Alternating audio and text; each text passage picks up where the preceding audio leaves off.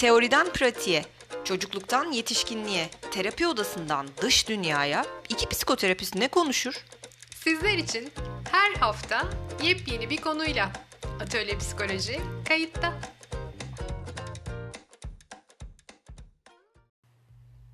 Merhaba herkese. Bugün yeni bir neden sorusuyla ve ikinci yayınıyla yine Atölye Psikoloji kayıtta.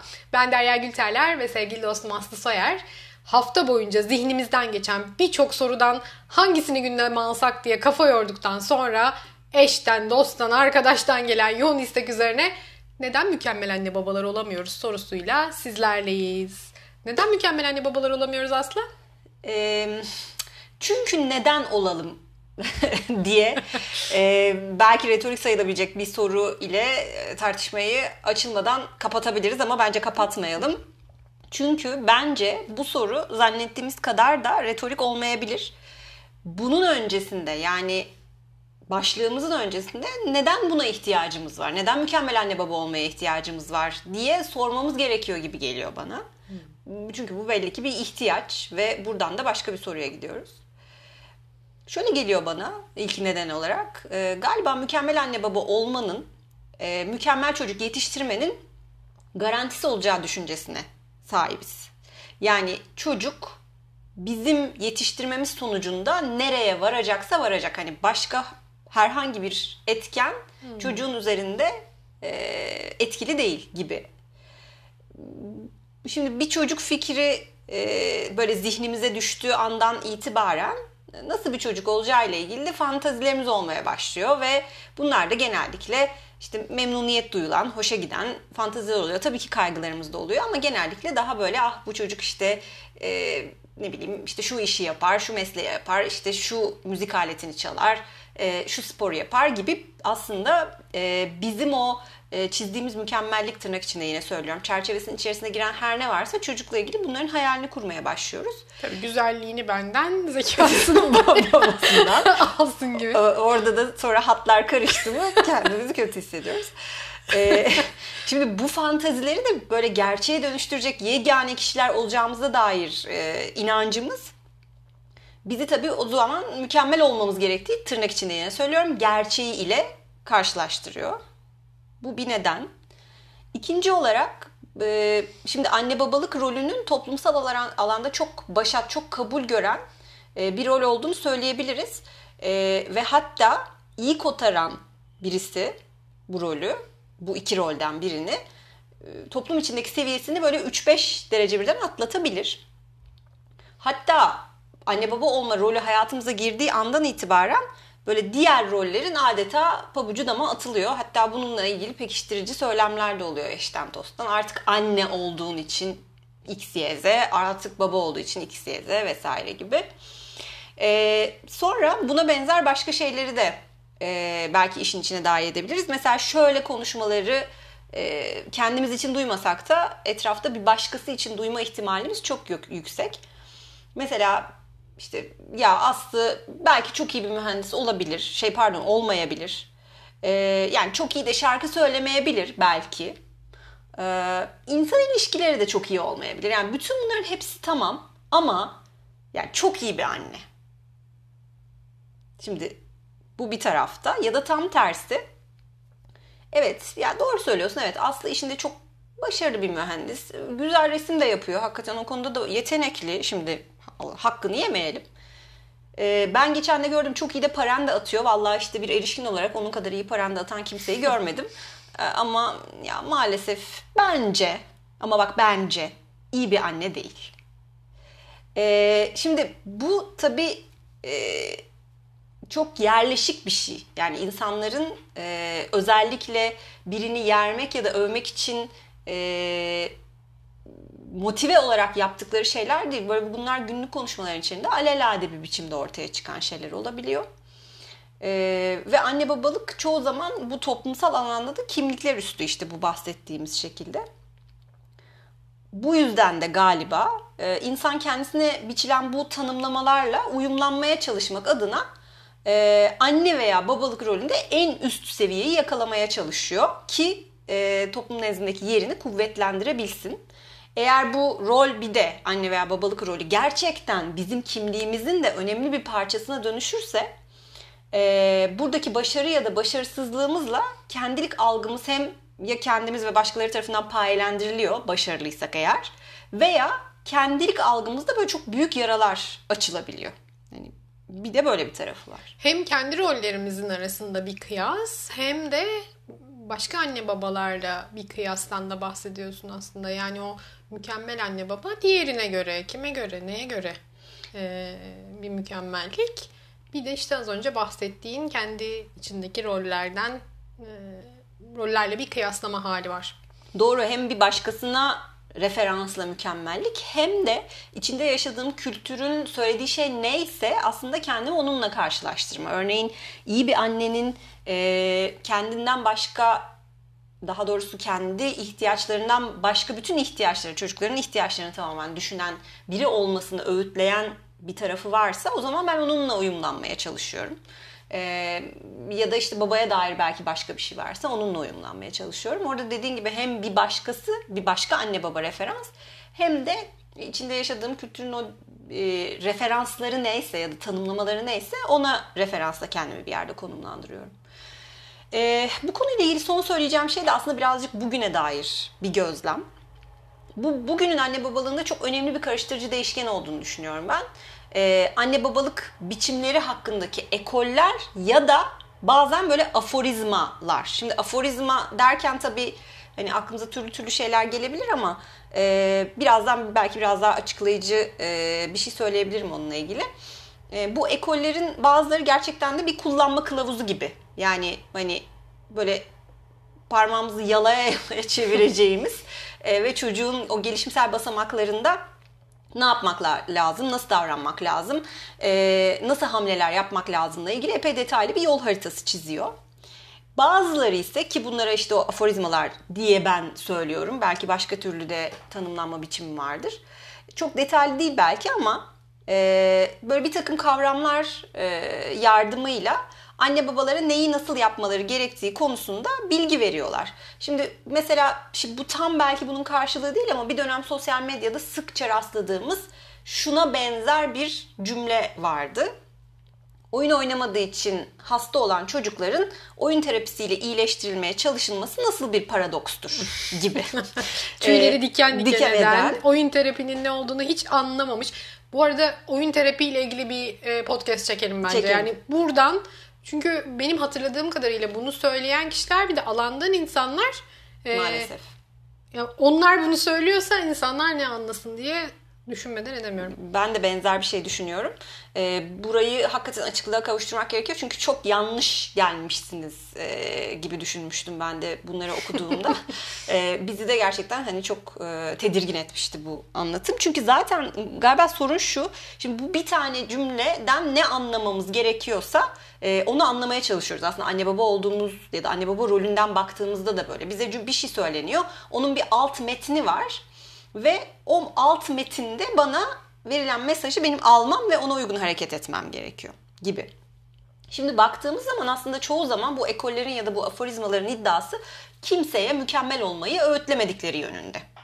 Ee, ama kendi koydukları kurallar işte ya da bilgiler e, uygun biçimde takip edilmediğinde ya da e, gerektiği gibi uygulanmadığında ortaya çıkabilecek sonuçlarla ilgili çok ciddi uyarılarda bulunuyorlar bir taraftan da. Yani sanki böyle bir girdi var, bir çıktı var, işte orada bir ortada kara kutu var. E, mesele onun içinde dönüyor ve tek bir girdi, tek bir çıktıya neden oluyor gibi e, uyarılarda bulunuyorlar. Biraz aslında bana kalırsa, bu benim tamamen yorumum, aba altından sopa gösteriyorlar. Eee Geçenlerde şöyle bir şey oldu. Şu anda yaklaşık 4-5 aylık bebeği olan bir arkadaşıma işte e, konuşmuştum nasıl gidiyor klasik annelik işte bebek nasıl vesaire gibi. Şöyle bir şey anlattı bana. Dedi ki bebek doğmadan önce ben çok fazla okudum. X yaklaşımı diyeyim ben. Ne yaklaşım olduğu çok önemli değil. Hakkında. E, kafama çok yattı. Epey de içselleştirdim. Hatta böyle evi ortamı falan ona göre düzenledim. Ama bebek doğduktan sonra sistemi takip etmekte çok zorlanmaya başladım. E, takip edemedikçe kendimi de çok suçlu hissetmeye başladım. Ve bu bir biçimde bir kısır döngüye döndü. Çünkü işte ben suçlu hissettikçe ve ben kendimi kötü hissettikçe işte bebek de e, kendini kötü hissetmeye ya da o da huysuzlanmaya başladı. O işleri zorlaştırdı. Neyse en sonunda ben bu sıkı sıkıya takip etme işini yavaş yavaş terk etmeye başladım ve rahatladım. Bebek de rahatladı dedi. Bu bence çok fazla şey söylüyor. Çünkü bizi çevreleyen bu önermeler, sistemler, işte kılavuzlar bize böyle nasıl bir hamilelik geçirmemiz gerektiğinden, nasıl doğurmamız gerektiğini, Ya. bebekle ancak ve ancak nasıl bağ kurulabileceğine e, ilişkin tanımlamalar yapmaktan, onunla nasıl konuşmamız gerektiğine ya da nasıl oynamamız gerektiğine kadar o kadar çok kural koyuyor ki e, tüm bunları harfi harfine yerine getirmediğimizde yani aslında mükemmel olamadığımızda bizim çocuğun başına bir şey gelecek diye endişe ediyoruz. Ben e, kendi hamilelik sürecimde çok etrafımdaki insanlardan duyduğum bir şeydi. Soruyorlardı bana. Derya işte sen e, bebekle konuşuyor musun? İşte onunla böyle bir temasın var mı falan. Yani bununla ilgili o kadar pompalanmış bir şey var ki anneler eğer bunu yapmazlarsa mesela çocukla bir bağ hamilelikte kuramamış olduklarına, doğduktan sonra da o çocukla ilgili bir e, arıza çıkacağına, işte senin sesini duysun ki e, sonra da sen ona seslendiğinde daha kolay sakinleşsin. Bazen akademik araştırmalarla da desteklenen şeye haddinden fazla vurgu Evet. yapılan bir durum var. Yani hem arkadaşının hem de e, bizim o görüştüğümüz önce anne babanın bir ekolle kendilerini e, desteklemeye çalışmaları, tutunmaya çalışmaları insanın daha iyi anne baba olmakla ilgili o endişesinden beslenen bir şey tabii ki. Hem bir yol haritası veriyor. Hani böyle yap, şöyle yap. Çünkü tecrübesiz bir e, anne baba o manuele çok ihtiyaç duyuyor tabii, ki. E, doğru şeyleri yapabilmekle ilgili ihtiyaç çok fazla. Ama bunu mesela ikinci bebeği olan, üçüncü bebeği olan anne babalarda neredeyse hiç görmüyoruz. E, o ilk defa e, anne babalıkla ilgili bir şey. İnsanın hangi ekole doğru mail ettiği de e, kendini ne tarafa yönlendirdiği de aslında bakılırsa kendi kişilik özelliklerinden beslenen bir şey. Doğru. Evet bu ekollerin hemen hepsi bir yanıyla yine altını çizerek söylüyorum bir yanıyla doğru şeyler söylüyorlar.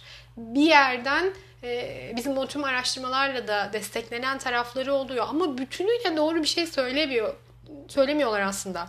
Anne babanın kendi ilişki kurma biçimine, kendi kişilik özelliklerine ya da kendi ihtiyacına uyan yaklaşım hangisi ise onu kendine rehber edinmesi çok da anlaşılmaz bir şey değil.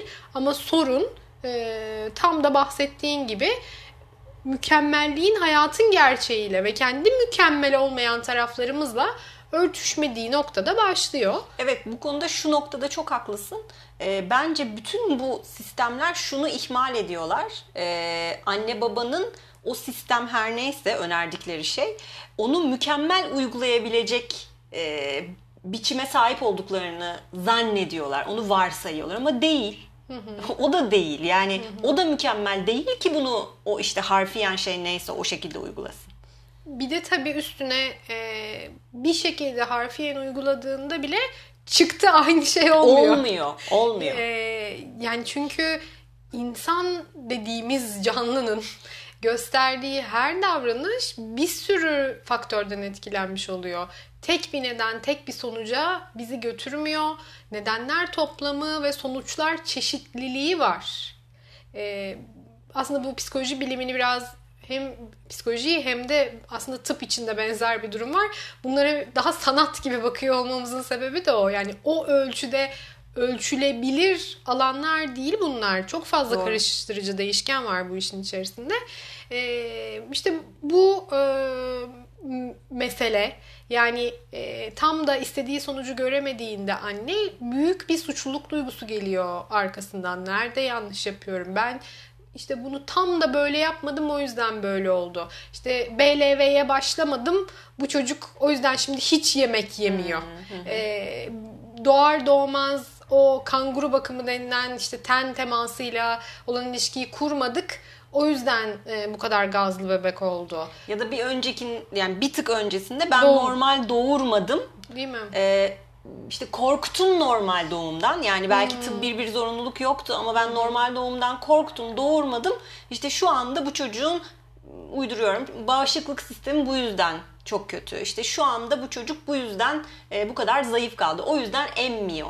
Benim sütüm o yüzden ilk başta gelmedi gibi. Evet. Yani ben böyle durumlarda anne babalara hep şey söylüyorum. Hırsızın hiçbir suçu yok. Yani bu kadar e, tabii ki hani bu işin komik tarafı ama e, ya bu çocuk da bir mizaç özelliğiyle dünyaya geliyor. Bir sürü faktörden etkileniyor. Tabii ki elinizden gelenin en iyisini yapacaksınız da yani mümkün değil sadece senin yaptığın şeyden etkilenip bu çocuğun e, bir şey olması.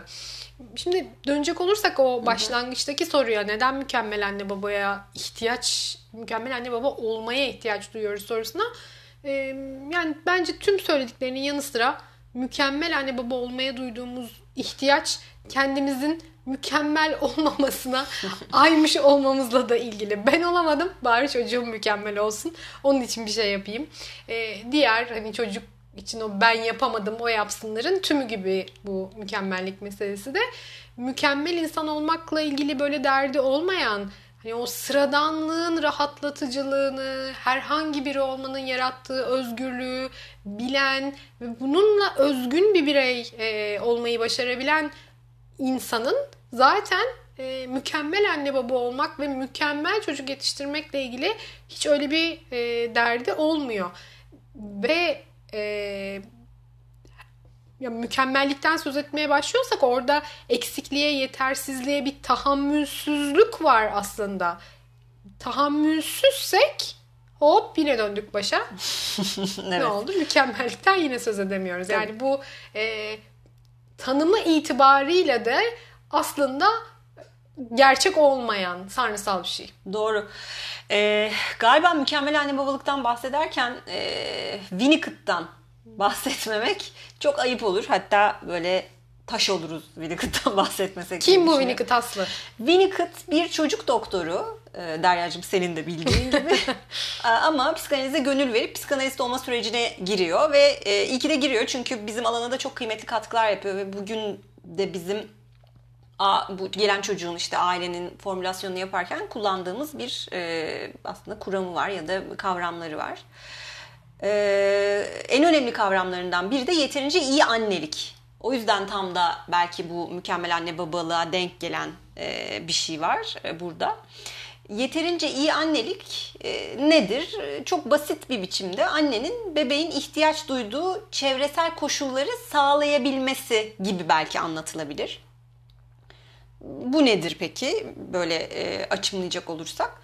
Daha özellikle erken bebeklik döneminde yani bu yeni doğum dönemi diye bahsettiğimiz e, dönemde anne tabii birçok biyolojik, işte hormonal, zihinsel değişikliklerin e, etkisi altında ve bu etkiyle birlikte kendi öznelliğini e, askıya alarak kendi varoluşunu bebeğin ihtiyaçlarını uydurmak üzere şekillendiriyor.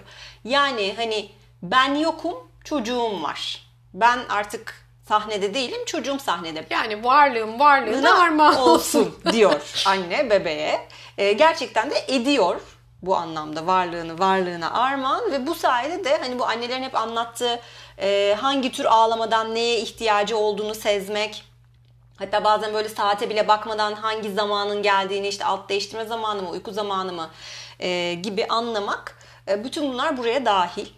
E, bu durum bebekte de yani annenin bu öznelliğinden vazgeçmesi hali bebekte de yine Winnicott'ın öznel tüm güçlülük dediği bir durumun tezahür etmesini sağlıyor. Bu nedir? E, bebek bir yanılsama içinde elbette e, ama istediği ya da dilediği şeyin anında orada e, beliri verdiğini fark ediyor ve bütün bunların da kendi gücüyle ilgili olduğunu e, zannediyor. Yani ya bir karnım acıktı, hop aa, meme geldi. Biraz üşüdüm mü ne? Bir rahatsızlık hissediyorum. Tam böyle bir ağlayacağım ama aa ısındım. Vay arkadaş ben nasıl bir şeyim böyle? Nasıl bir varlığım? Nasıl bir yaratığım? e, nasıl bir e, şeyim? ilahım ki e, ben ol deyince oluyor gibi bir yanılsama içerisinde. Ve bu yanılsama devam ediyor. ne, ne zamana kadar? Ee, Sonsuza kadar bazı evlerde. Bazı maalesef. Ee, ama tabii o sonsuza kadar olamayacağı için de orada başka bir türü e, sorun çıkmaya başlıyor. E, şimdi burada Winnicott çok e, çok hoş bence çok anlamlı bir e, tanımlama yapıyor. E, diyor ki aklı başında hiç kimse ne kadar muazzam, tapılası birisi olursa olsun bir başkasına böyle bir yaşantıyı uzun süreli sunamaz. Aşk biter. Biter. Ee, ve bu aşk durumu da zaten aslında e, annenin geçici bir delilik halidir diyor. Yani annenin aklı Bilmez başında miyiz? değildir diyor. Benim de aklımdan bunlar geçiyor her bununla ilgili bir şey e, okuduğumda ve bence bizi dinleyenler arasında da annelik deneyimi olanlar e, bunun nasıl bir şey olduğunu az çok e, bilirler. Gerçekten bir delilik hali. Yani şimdi geriye dönüp baktığında bu ne ya yok artık filan diye hatırladığın Ben nasıl anlar. yaptım kendime böyle bir şey diye De, sordum. Evet sorduğun anlar. zamanlar e, ve hatta bir kısmında böyle bir geçici amnezi geçici bir hafıza kaybıyla hatırlamıyorsun zaten. Öyle bir hal. Ee, şimdi dolayısıyla bu hani uzun süreli yaşanamayacağı için ne oluyor? O erken bebeklik döneminden yani yeni doğandan e, bebek çıkmaya başladığı noktadan sonra bir süre sonra bu anne ve bebek ilişkisi içindeki dakiklik yani annenin dakikliği e, ve anındalığı yerini böyle küçük aksamalara, atlamalara bırakıyor. E, arkadaş karnımız acıkmıştı hani kaç dakikadır meme bekliyoruz filan gibi. E, yani annenin yanıtı gecikmeye başladığında bebek de o noktada diyor ki ya bir dakika ne oluyor? E, gel, hani ben benim öznelliğimdi gerçek olan. Hani ben ol deyince oluyordu. Ee, ama galiba olmuyor. Aa annemin de bir öznelliği varmış.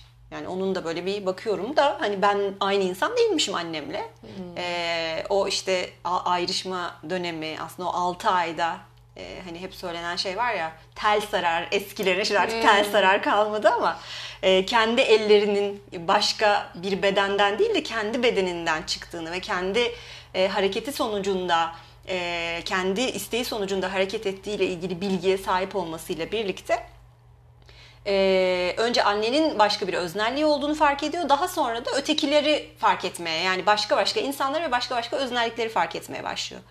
E, ve aslında bence insan olmanın da ilk adımlarını atmaya başlıyor böylelikle. Çünkü ben kendi öznelliğimden zaman zaman vazgeçmeliyim ya da bunu ertelemeliyim. Çünkü başkalarının da bu anlamda işte istekleri, ihtiyaçları, arzuları var vesaire.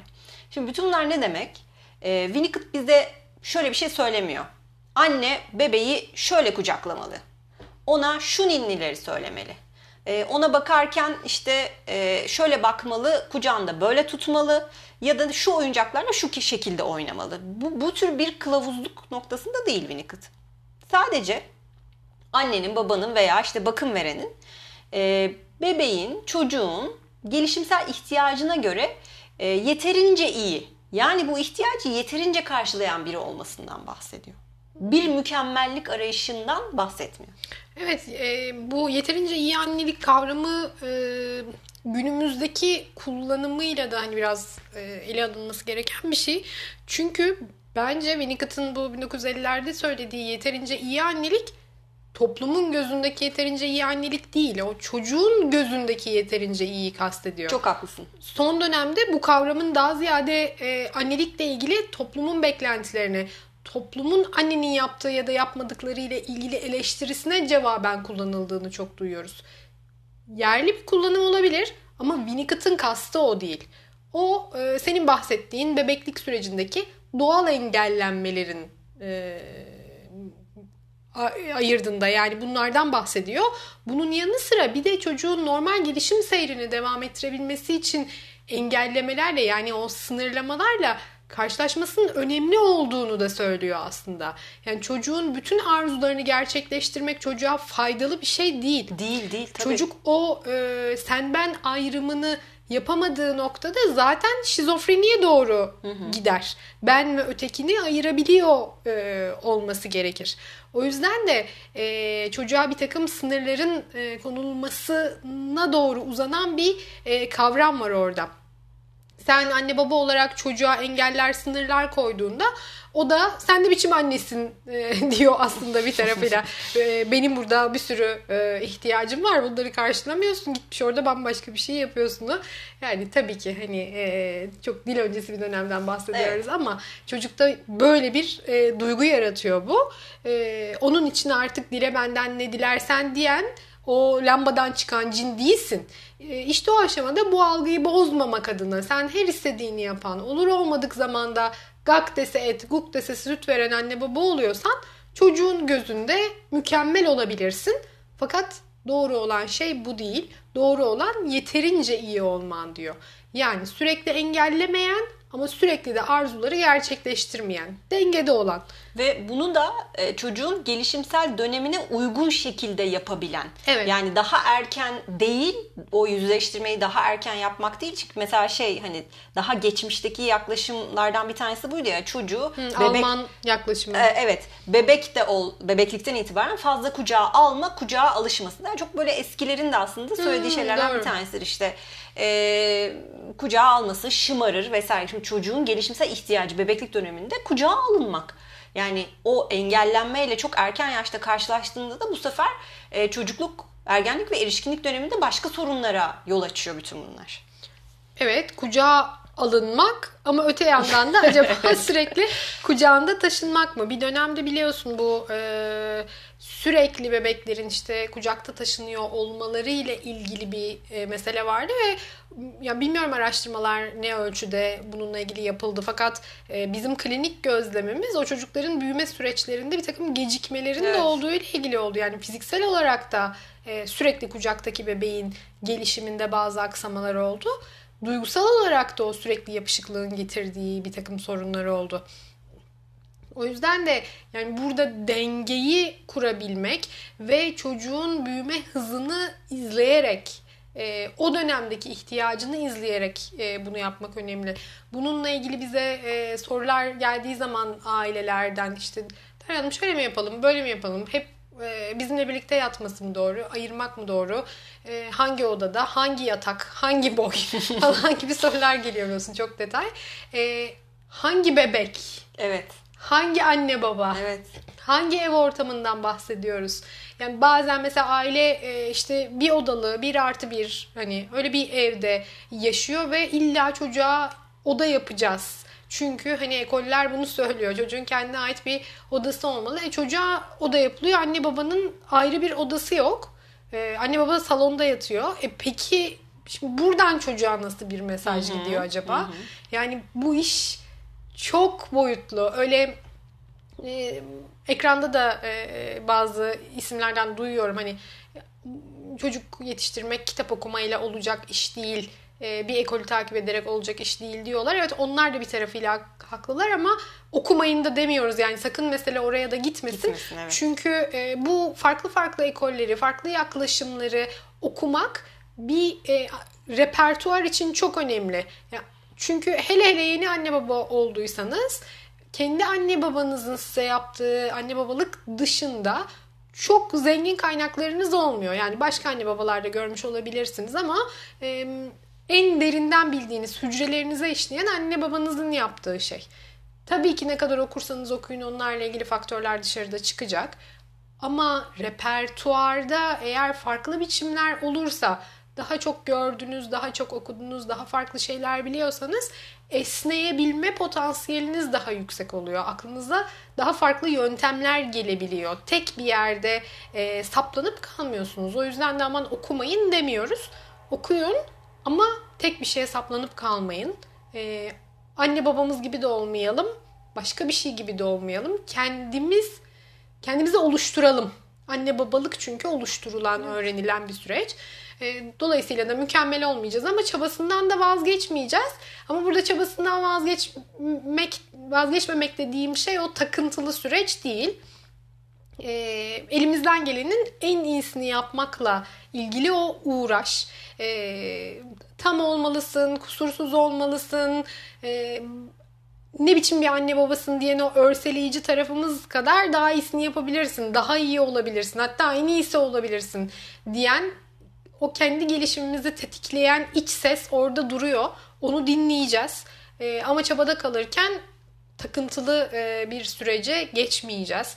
Ve e, mükemmel olmayan taraflarımıza da yani iyi denemeydi, denemeye devam. Tamam böyle olmadı ama başka türlü e, bir yol bulabilirsin. Daha neler yapabilirsin? Oku, araştır, öğren, izle, sor e, demeye devam edeceğiz. Eğer biz kendimizi hatalarımızla beraber e, aşırı e, baskılayıp aşağı çekmezsek, kusurlu taraflarımızı kapsayabilmeyi e, öğrenebilirsek bunun çocuklarımıza öğreteceği çok fazla şey var. Yani e, bizim o kusurlu taraflarımızı değiştirme biçimimiz, onları kabul etme biçimimiz çocuğa da sen de böyle yapabilirsin. Senin de kusurların olabilir ve evet yani insanız. Bundan daha doğal bir şey yoku modellemiş oluyor aslında. O yüzden de e, göz göre göre değil ama hata yapmış olmaktan pişmanlık duyup e, kendimizi kör kuyulara e, hapsetmenin anlamı yok. E, iyi anne baba olabilmek, iyi bir insan olmak e, tan geçiyor. Yolu o. Çünkü aslında anne baba olmak bir insanın yetişme sürecine eşlik etmek demek. Ve nereye kadar eşlik edebiliriz? Kendi olduğumuz yere kadar. Kendi olduğumuz yerden bambaşka bir yere e, bir insanı götüremeyiz. Oraya ancak e, ittiriyor olabiliriz. Çekiştiriyor olabiliriz. Zıplatmaya çalışıyor olabiliriz. Ama e, eşlik etmek demek değil bu.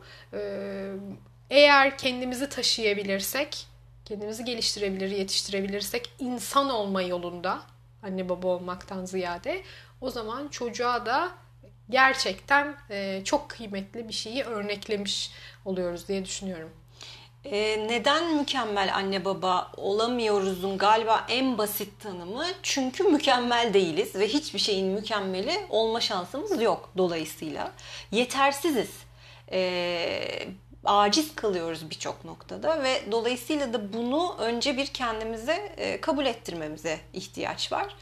E, bir ikincisi karşımızdaki e, çocuğun yani e, bizden olma, bizden çıkma bir çocuk olsa dahi e, kendine ait bir varoluş biçimi olduğunu görmek, onu izlemek, senin söylediğin gibi eşlik etmek, takip etmek e, ve onun ihtiyacını şu sırada geçtiği e, sürecin nasıl bir süreç olduğunu iyi anlamak e, gerekiyor. E, ve galiba son olarak da e, o sırada yapmak istediğimiz, ihtiyaç duyduğumuz, ihtiyaç duyduğumuzu düşündüğümüz şey her neyse bu bir ekole takılmak da olabilir. Bu bir e, kavramın e, peşine düşmek de ya da onu evimde işte çocuğum üzerinde e, tam olarak uygulamaya çalışmak da olabilir. E, bütün bunlarla ilgili kendimize sormamız gereken soru ben şu anda bunu tam olarak neden istiyorum? E, çünkü bu sorunun bizi kendi içerimiz, içimize götürebileceği bir yer var. E, ve o yer her zaman e, çocuk gelişimiyle, çocuk eğitimiyle, çocuk yetiştirmeyle ilgili olmayabilir. O benim kendi sürecimle de ilgili olabilir. E, bunu göz ardı etmemek gerekiyor diye düşünüyorum. Çok güzel söyledin. Çok teşekkür ediyorum. Gelecek pazartesi e, yepyeni bir soruyla yine Atölye Psikoloji kayıtta olacak.